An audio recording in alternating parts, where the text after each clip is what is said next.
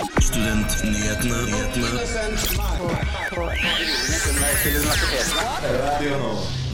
Hjertelig velkommen til Studentnyhetene denne fredagen.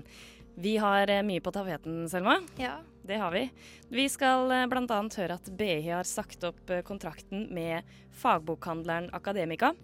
Og nå stormer det litt mellom partene. Vi skal også høre om Eller vi har også vært på besøk i Oslos kanskje eneste båtkollektiv. Gullbarbieprisen deles ut til verstingen innen seksualisering, ensidige idealer og tradisjonelle kjønnsroller. Cape Town kan bli en av de første storbyene i verden som går tom for vann. Vår reporter Håkon Hammeren er direkte fra Sør-Afrika.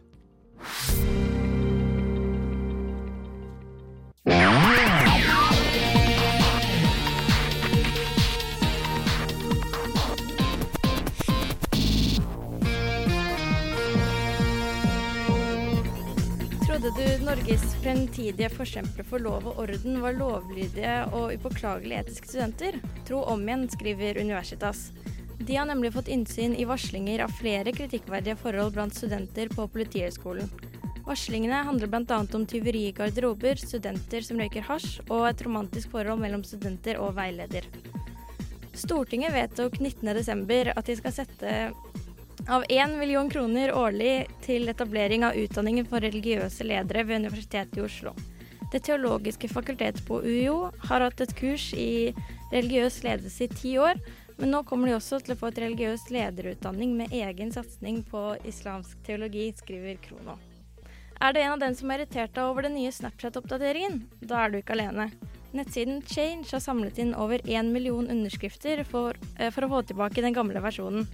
Snapchat selv sier at oppdateringen vil skape en tydeligere skille mellom venner og innhold, men sosiale medier-ekspert Astrid Valen Utvik mener at dette også kan være en måte for Snapchat å tjene mer penger på. Dette skriver NRK. Det var ukens nyhetsoppdateringer. Mitt navn er Selma Helsråd.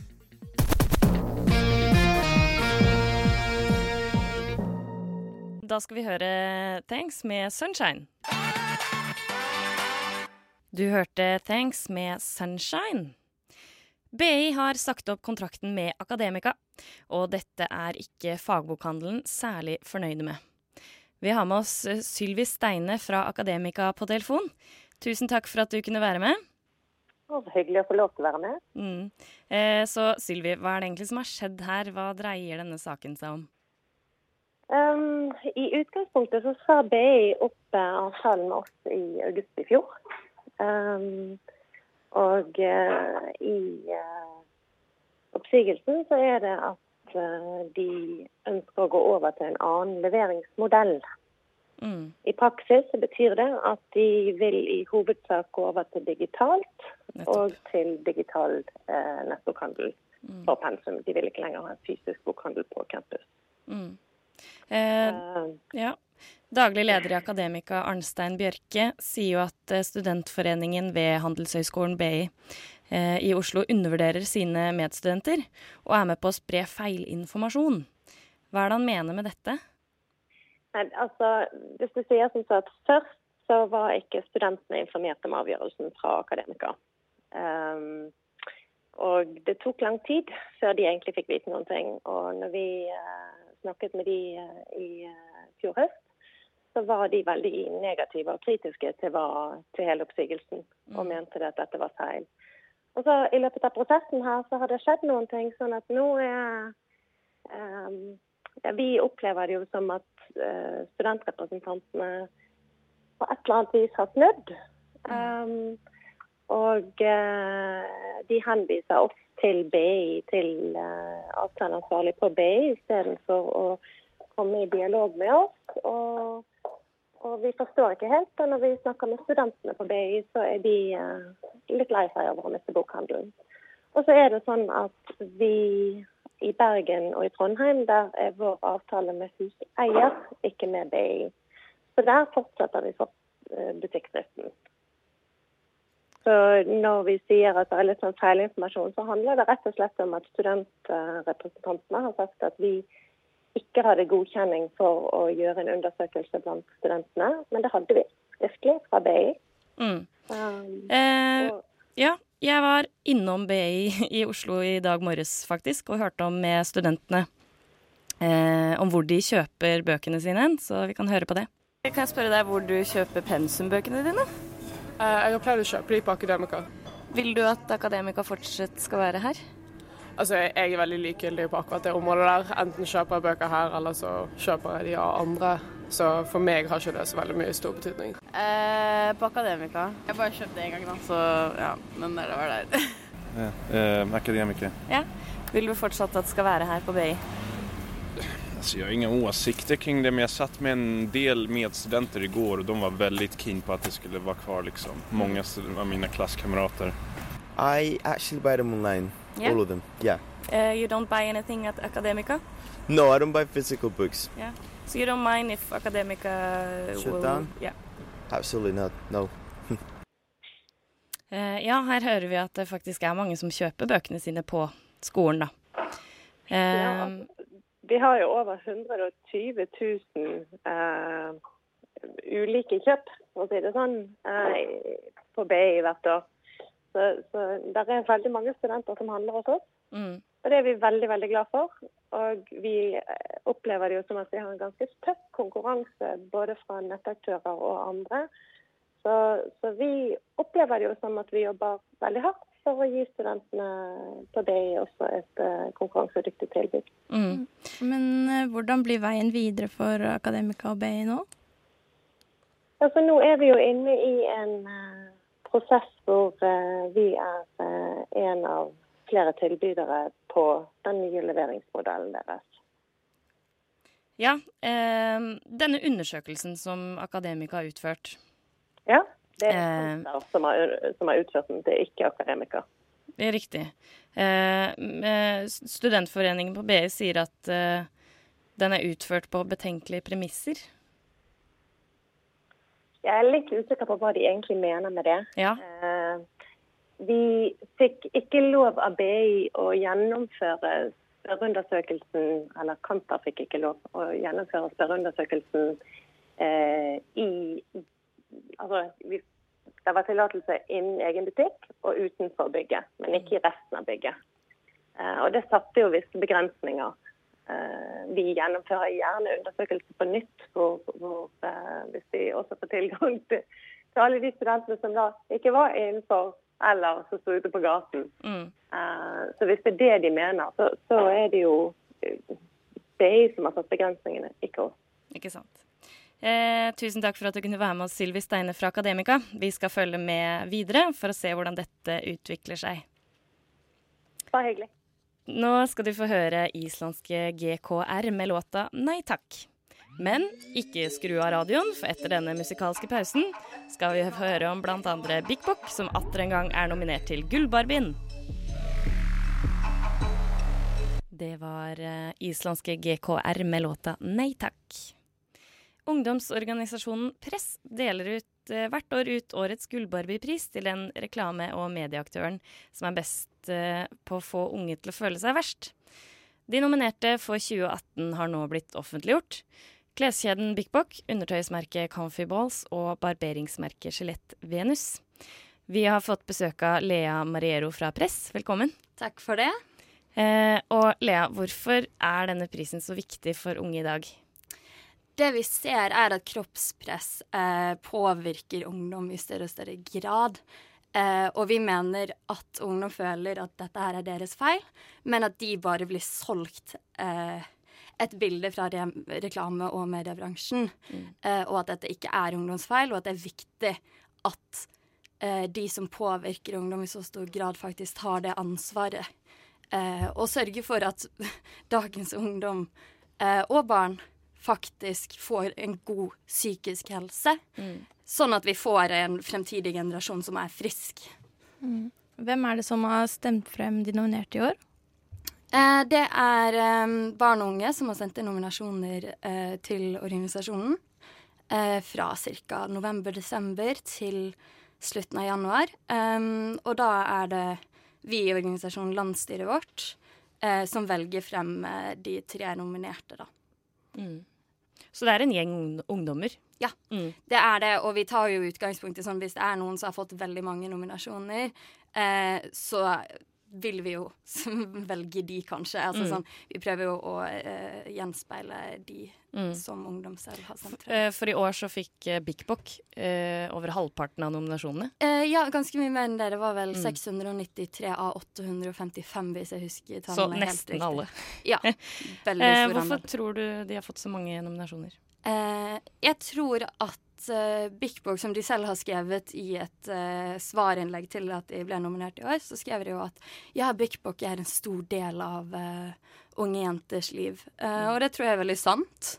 Det er mange som går og handler på Bik Bok, eh, spesielt kanskje ja, 12- til 17-åringer. Eh, og jeg tror folk reagerer på størrelsene spesielt. Jeg tror man går inn der med et bilde av hvordan du skal se ut, ut ifra disse modellene. Og du som 12- og 13-åring ser ikke sånn ut.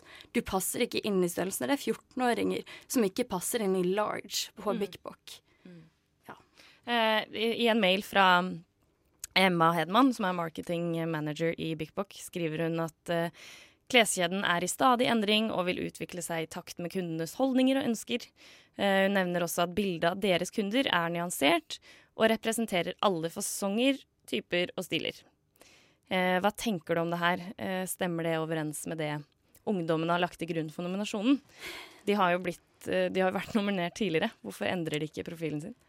Nei, det lurer jo vi også på. Eh, vi mener jo at de ikke gjenspeiler dagens ungdom, og de sier jo selv at eh, de gjenspeiler 16- til 25-åringer, og det syns vi ikke de gjør. Eh, de har laget et veldig snevert bilde av hva som er kropper, eh, hvordan kropper skal se ut. Og det er ikke noe sånn small or large. Alle liksom skal passe inn i et veldig, veldig snevert bilde, og de fleste mm. kropper vil kanskje ikke engang passe inn i large, sånn som denne her eh, Min mot-artikkelen, hvis dere har lest den, Mm. så er det en som vanligvis, eller anser seg selv som medium, som Mm. ikke passer inn i large på Big Bok. Mm. Uh, dette reagerer jo vi selvfølgelig veldig på, og mener at det gjenspeiler ikke de naturlige kroppene vi har, og er med på å da skape et bilde av at ungdom ikke er bra nok. Mm. Eh, vi har jo også prøvd å få tak i noen andre som er nominert. Mm. Eh, snakket med Anders Selvig eh, fra Comfy Balls på mail. Eh, og de er da nominert fordi de viser kun én kropp, som spiller på gamle kjønnsroller og unødvendig seksualisering for da unge gutter for å selge undertøy. Noe som da igjen skaper unødvendig press. Men han er litt uenig med det med hvilken gruppe de hevner, hevder seg mot, da. For han sier jo at uh, de driver jo ikke markedsføring for noen som er under 18, uh, og at uh, deres eh, ja, kjernekunder er som regel over 30. Eh, det, likevel er de nominert til denne prisen. Hvorfor er de det? Um, Comfy Balls, ja, de kan eh, si at de markedsfører eh, mot eh, menn, da, altså de som er over 25. Eh, vi mener jo likevel at de har veldig stor påvirkningskraft på unge gutter. De har f.eks. Eh, hatt reklamer på um, knyttet til Paradise Hotel. Mm. Og der vet vi at alderen på de som ser på Paradise Hotel, er unge. Eh, I tillegg så er det sånn hvis, Selv om du markedsfører rettet mot 30-åringer, så er det som oftest flere som ser det enn dette her. Vi mener at de må ta et ansvar også. Fordi uansett om det er over 30, da, så lager du et bilde av sånn Sånn skal du se ut når du er 25 eller 30. Men vi er anlagt på veldig forskjellige måter. Eh, som gjør at ikke alle kan oppnå denne kroppen de lager et bilde av at alle har eller kan få. Eh, I tillegg som vi mener at de har jo selv sagt at de har variasjon og mangfold av kropper. Så er det sånn Ja da, noen har litt mer muskler, og noen har litt mindre, men du har ikke forskjellige typer kropper. Mm. De har jo nevnt at eh, det på en måte er eh, idrettsutøvere og sånn Mm. som de har brukt da, for å liksom fremme et positivt budskap. Ja. ehm, og det er fint at de fremmer eh, altså sånn man skal, De har atletiske kropper, det er helt greit, det. Likevel så ser vi en seksualisering og et veldig ensidig skjønnhetsideal eh, i de reklamene de bruker. Eh, en annen bakgrunn for nominasjonen er jo også deres bruk av kvinner. Mm. Eh, fordi de har noen reklamer der det også er kvinner med. Eh, Og de la jo ut et Facebook-innlegg i etterkant av nominasjonen, der, hun, eh, der, det er jenter også på disse bildene. Og der ser man helt tydelig liksom, Det var en sånn reklame der det sitter en jente mens mannen sitter på do og leser et blad. Mm. Eh, og et annet bilde der hun, en annen jente står og ser seg selv i speilet mens mannen står og ser på henne. Hvis jeg føler at dette her også sender et uh, galt budskap. På, det er veldig gammeldagse kjønnsroller. Mm. Eh, og til slutt eh, så vil jeg høre det mediumet som kanskje har størst eh, innvirkningskraft på unge i dag, er kanskje bloggere. Mm. Eh, med Sofie Elise som ble kåret til Årets mediekvinne eh, i 2015. Mm. Eh, det var riktignok for tre år siden, men dette med influencer har jo blitt et større og større tema i senere tid også. Mm. hvorfor er det ingen bloggere som er nominert til denne prisen? Vi eh, får jo inn en del nominasjoner også på bloggere, mm. men har valgt å ikke nominere bloggere fordi at det er enkeltpersoner som vi også ser som produkt av eh, reklame- og mediebransjens eh, skjønnhetsidealer. Vi mener ikke at de er problemet, de er et produkt av problemet. Mm. Um, og selv om noen av de, man kan jo anse noen av de som bedrifter i seg selv, ja. uh, så mener vi at det er viktigere å endre de store bedriftenes tankemåte, samtidig som vi er opptatt av at bloggere tar sitt ansvar og har dette som tematikk. Mm. Eh, på lanseringsarrangementet vårt på mandag morgen så hadde vi jo Kristin Gjelsvik inne og snakket med oss. Eh, og hun sa jo det samme, ikke sant? sånn som denne her Sunn fornuft-plakaten er veldig viktig, og man burde få eh, noen sanksjoner på hvordan, her, hvordan, vi sørger for at bloggere faktisk opprettholder det mm. eh, ansvaret. Eh, hvor er det man kan stemme på sin favoritt eller fiende? ja, kan, Det kan du gjøre på gullbaby.no. Du kan også gå inn på vår nettside på press.no, mm. men gullbaby.no er nok lettest. Og når og hvor blir vinneren annonsert? Eh, det skjer 19. mars. Eh, som ca. en måneds tid. Eh, da kommer vi også til å ta lanseringsarrangement i Oslo. Eh, men også rundt omkring i eh, lokallagene våre rundt omkring i Norge så kommer det til å være eh, ja, lanseringsarrangementer. Mm. Da er det bare å gå inn på gullbarbie.no og følge med når vinneren annonseres senere i mars. Tusen takk for at du kunne komme til oss, ja. Lea Mariero fra Press. Takk for at jeg fikk komme. Om litt skal du få høre om en student som bor i båt. Radionova er best. Alle andre er tapere. Radio Nova er best. Radio Nova. Mm. Radio Nova. Siden 1982 har Radio Nova gitt deg favorittmusikken din før du visste at du likte den.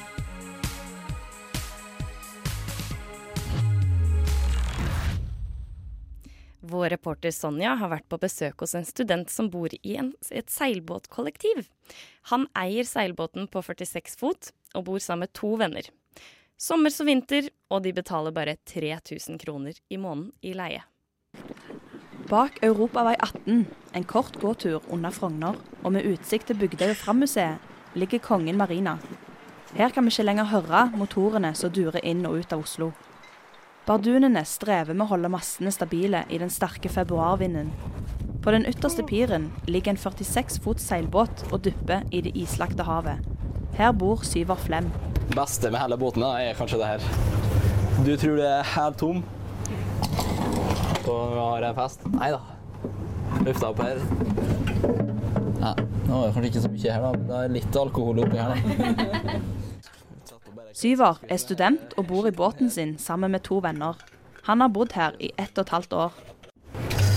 Nå går den her en stund, så da må jeg fylle på vannet ut. Når vaskemaskinen går, må vanntanken på båten fylles. Det er glatt på dekk og sur vind, men det ser ikke ut til å påvirke Syver. Likevel forteller han at sommerhalvåret er grunnen til at han bor i båt. Jeg syns det er jo kjekt at du kan dra ut på tur på sommeren.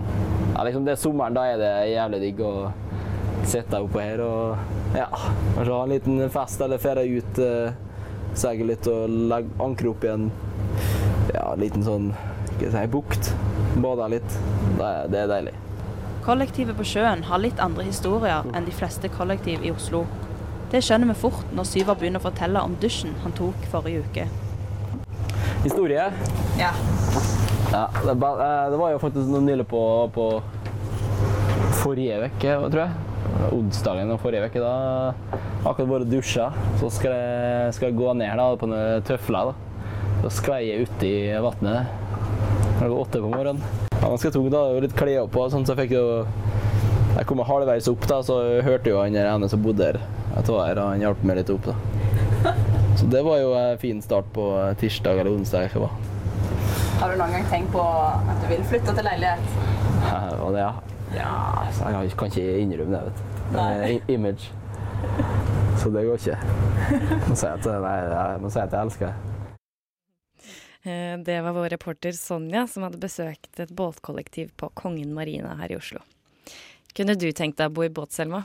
uh, nei. Eller jo, men ikke i Norge, tror jeg. Nei. Det er nok litt kaldt på vinteren. Ja. Eh, man burde jo ordne det på en eller annen måte, da. Mm. Celine, vår tekniker, sa at hun ville bo i Monaco. Ja, Mm. det er-. Det er litt kaldt der på vinteren også. På en måte. Ja, kanskje ta noe varmere sted. Ja. Men du var jo besøkte hun som bor eh, i bobil Ja, på det Kjeller. var også ganske kaldt på vinteren, sa hun. Mm. Men eh, jeg ville heller gjort det, tror jeg. Ja. Ja, det vil jeg også, om jeg bare får meg lappen. Ja. uh, yes. Eh, om litt skal du få høre om eh, Håkon, som er utvekslingsstudent i Sør-Afrika. Eh, vi skal høre hvordan det går med den ekstreme tørken der nede. Kanskje han har blitt til en rosin? Først Heartbreak Satellite med Are You OK her i Studentnyhetene på Radio Nova. Det var eh, Heartbeat Satellite med Are You OK? Tre år med lite regn og kraftig tørke har ført til en akopalyptisk stemning i Sør-Afrikas nest største by, Cape Town. Eh, og den sies å kunne bli den første sto storbyen i verden til å gå tom for vann. Tirsdag erklærte myndighetene dette som en nasjonal krise. Og vår utenrikskorrespondent Håkon Hammeren er med oss fra Cape Town. Hallo! Hei, hei. Eh, du, du studerer juss og reiste nettopp på utveksling i Cape Town. Hvordan opplever du situasjonen? Uh, du, jeg, akkurat nå så sitter jeg på uh, like ved en av disse uh, brønnene, eller, eller stedene hvor man kan plukke opp vann.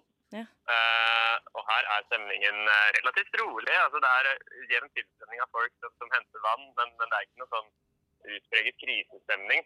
Um, og, og det føler jeg at egentlig er litt den stemningen som er gjennom hele byen. At det er eh, det har eh, Disse tre ukene så har det på en måte eh, Om ikke blitt så mye bedre, så har det i hvert fall roa seg litt. Fordi Mm. man har blitt vant til å leve med, med litt mindre eh, vann enn det man vanligvis har gjort før. Mm. Men, så, så, så det, går, altså, det går stort sett veldig bra med de fleste.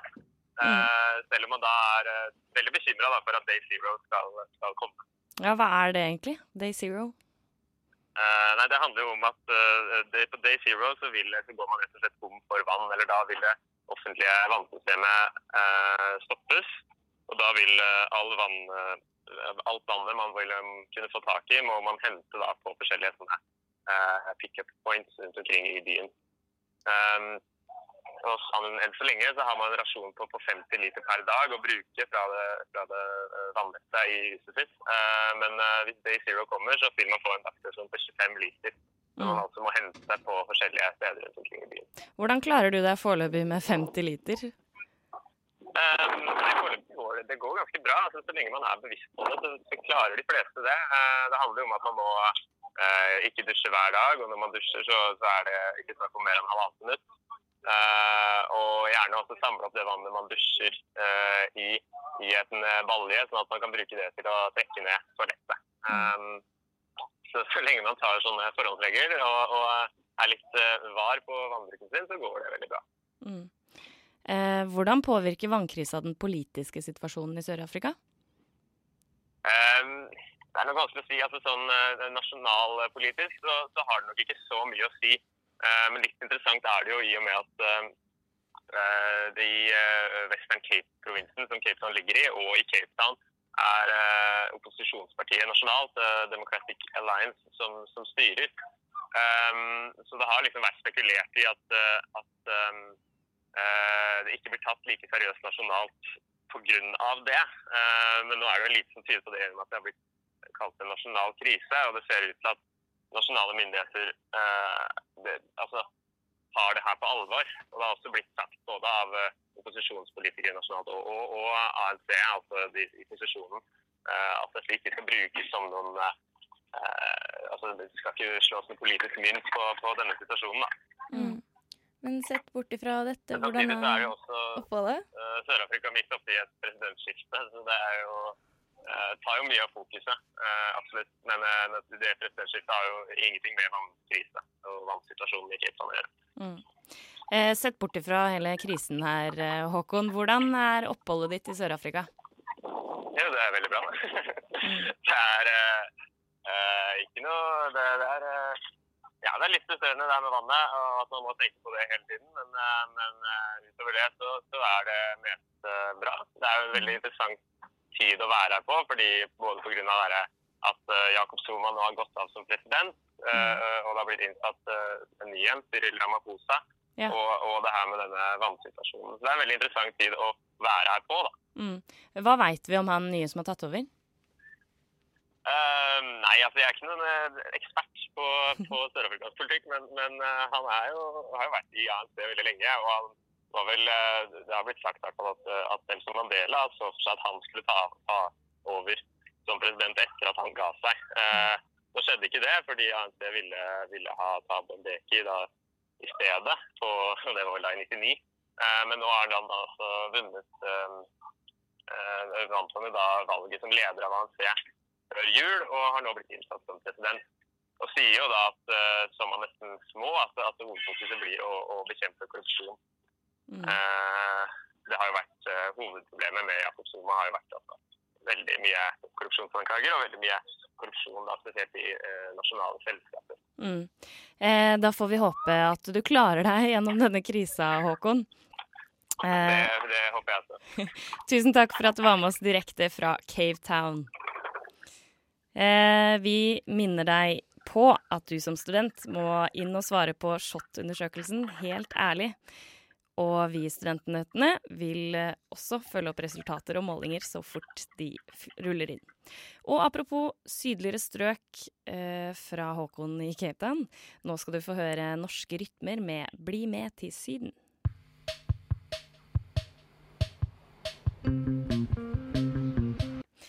Eh, hjertelig velkommen til Studentnyhetene. William Høie fra A-lista, Astrid Brakstad Gjesvik fra Venstrealliansen og Vibeke Fengsrud. Hei. Hei.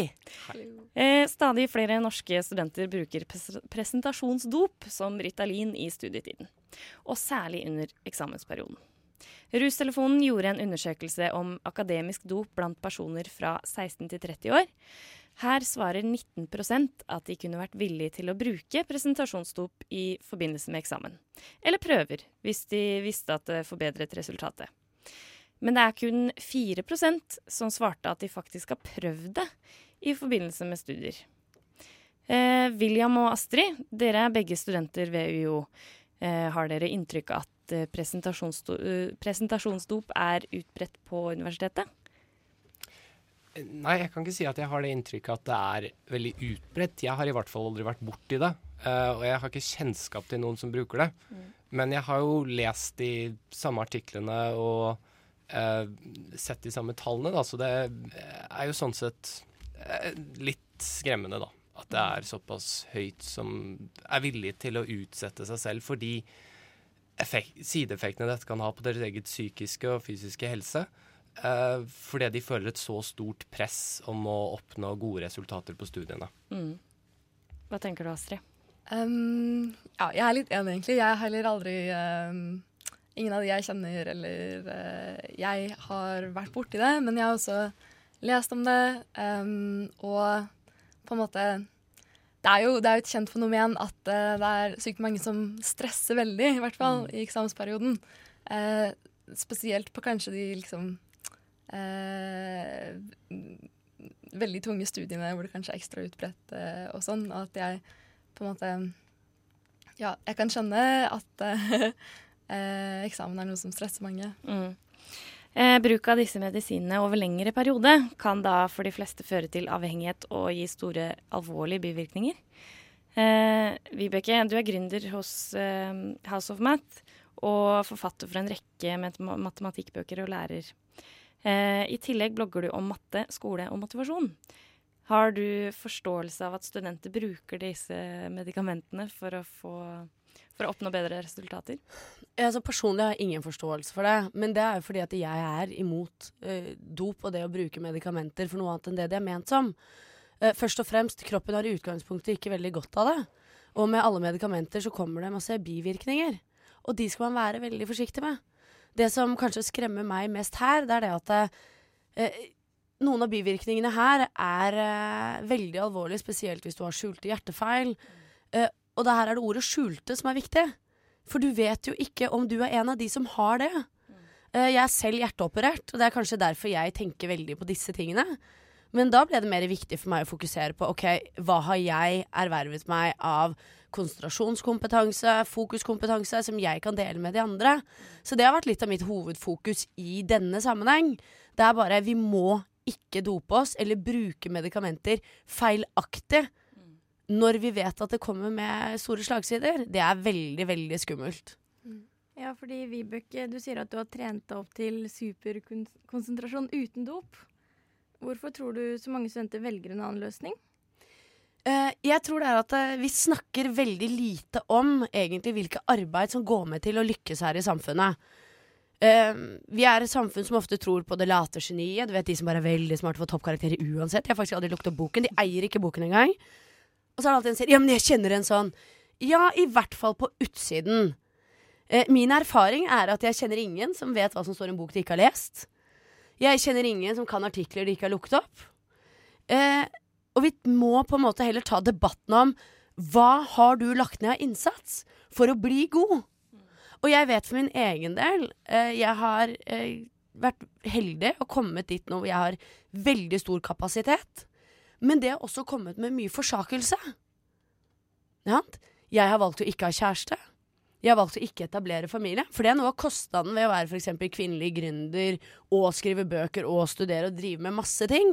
Du klarer ikke å få til alt, og det tror jeg er utrolig viktig å få frem. Hva tenker du, Astrid fra Venstrealliansen? Ja, nei, jeg tenker egentlig at eh, Eller jeg hadde et veldig annet syn på denne saken. Jeg tenker at det her er et, en, et symptom på en utrolig sånn eksamensretta studiehverdag. Um, hvor folk blir så stressa for eksamen fordi det er så utrolig mye som ligger på det, og man um, Man på får ikke noe vurdering i løpet av året. Det er liksom den ene dagen det står og faller på.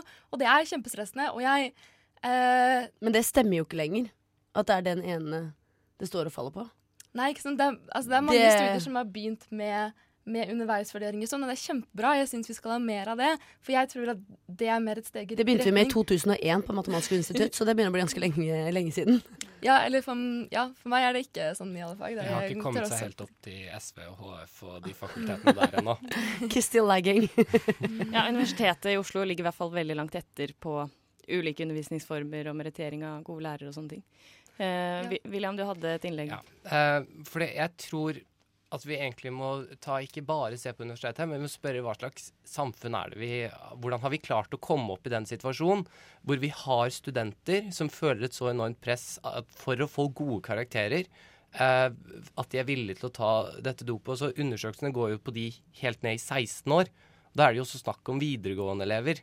Dette er jo ikke et eh, press som liksom kommer Du starter på universitetet, og så plutselig så er karakterer så viktig for deg at du eh, velger å utsette eh, deg selv og din egen helse for denne typen fare.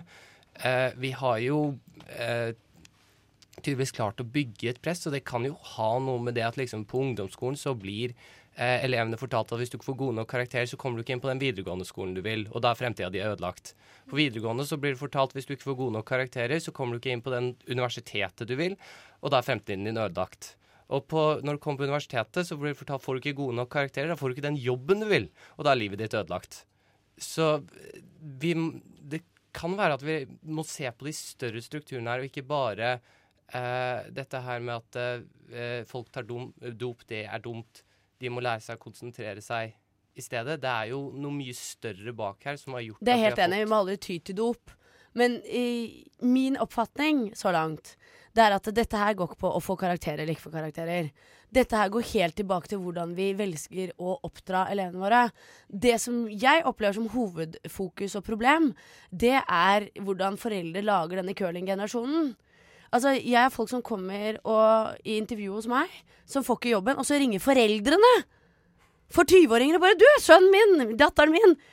Ikke sant? Noe av problemet her det er det at hvis vi i større grad hadde latt barna våre ta ansvar, rydde opp i egne problemer, la barna få lov til å føle på at jo, det er visse ting vi skal klare.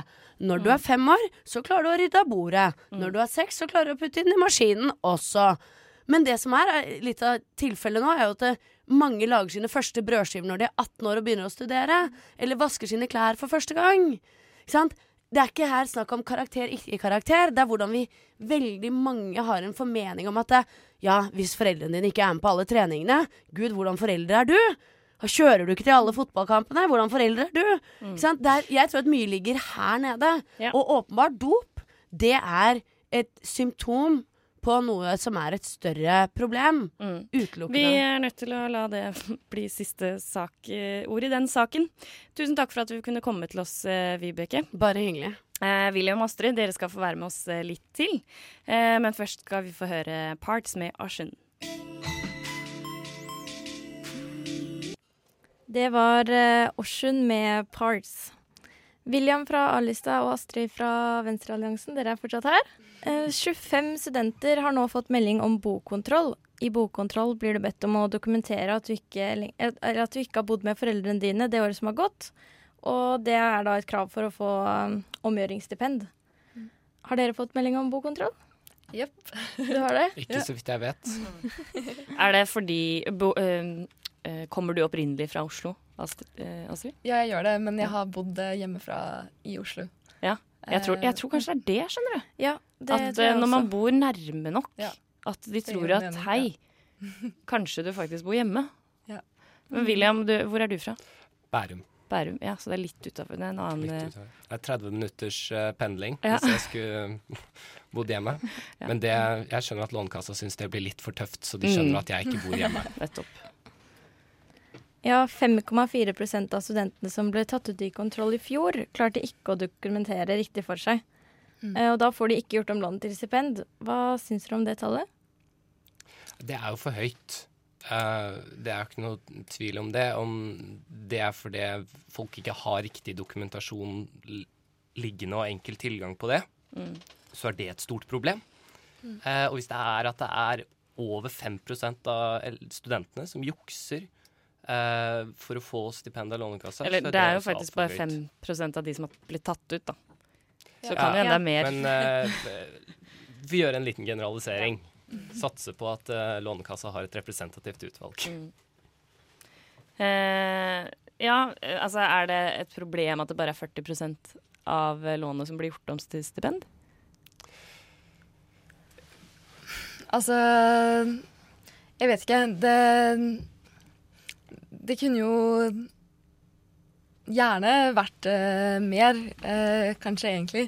Uh, men altså, ja.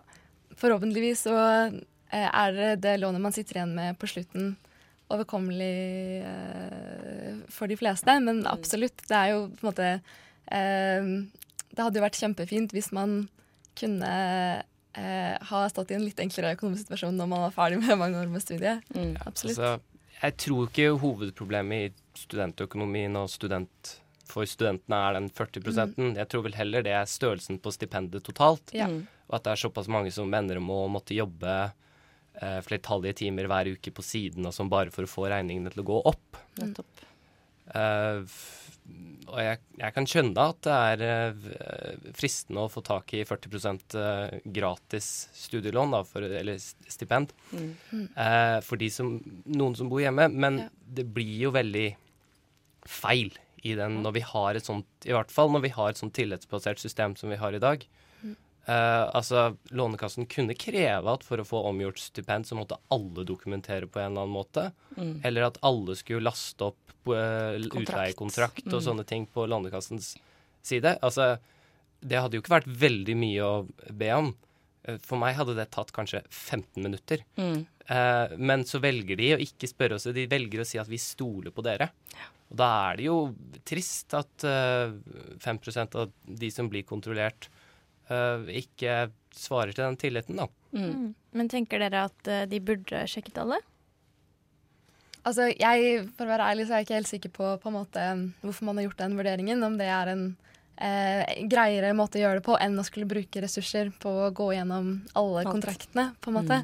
Men ehm, eh, eh, jeg Altså, nå har det jo Det har vært en økning, har det ikke, i eh, antall Mm. kontroller Ja. som har eh, Hvor de har tatt flere. fler. Hvor de har tatt flere. Mm. Så det kan jo hende at uh, at, ja, at det er en god idé å i hvert fall holde seg på det her uh, nivået. Kanskje ha enda flere bokontroller. Mm. Um, uh, sånn at man skaper en kultur hvor man ikke prøver å jukse, da. Mm. Tenker dere at det er verdt det? De som nå sitter igjen og må betale tilbake. Ja, altså, Om det er verdt det, kommer jo an på hvor mye det har kosta. Mm. utgangspunktet. Eh, jeg regner med at disse de som er tatt, altså at man har spart inn mer enn man har brukt på kontrollen, og det er derfor man velger å ha kontroll i det omfang eh, man har. Og i så fall så er det jo eh, så er det jo verdt det for at dette systemet skal være rettferdig. Men- Men som menneske er det, holdt jeg på å si, altså, det er jo en kjip det er jo en kjip ting å gjøre, fordi Mm. man er en del av et, um, et solidarisk eh, studentfellesskap. Mm. Eh, og de pengene som du da tjener ekstra, går jo på bekostning av andre studenters velferd. Mm. Så det er jo em, det er jo noe som man kanskje, Og noe som kanskje ikke alle tenker på heller, når de, de tenker at det er liksom Ja, man, det er på en måte, man får det bare fra eh, Lånekassa, men, em, men eh, det her handler jo om at man skal kunne skape et bedre velferdstilbud sammen. Mm. Tusen takk for at dere kom, eh, William og Astrid fra A-lista og Venstrealliansen. Bare hyggelig. Eh, det var det vi rakk fra Studentnyhetene i dag, Selma. Ja. Eh, mitt navn er Johanne Sumstad Artvin. Og jeg er Selma Hellestrand. På Fantastisk teknikken var eh, Celine Stensrud. Eh, vi minner igjen om at eh, du som student må svare på SHoT-undersøkelsen helt ærlig så fort som mulig. Eh, følg oss også på Instagram og Facebook, og last gjerne ned podkasten vår i etterkant. Eh, For å runde av eh, Studentnyhetene i dag skal vi eh, ha en liten hyllest til Martin i redaksjonen. Vi skal høre 612 med 612 for alltid.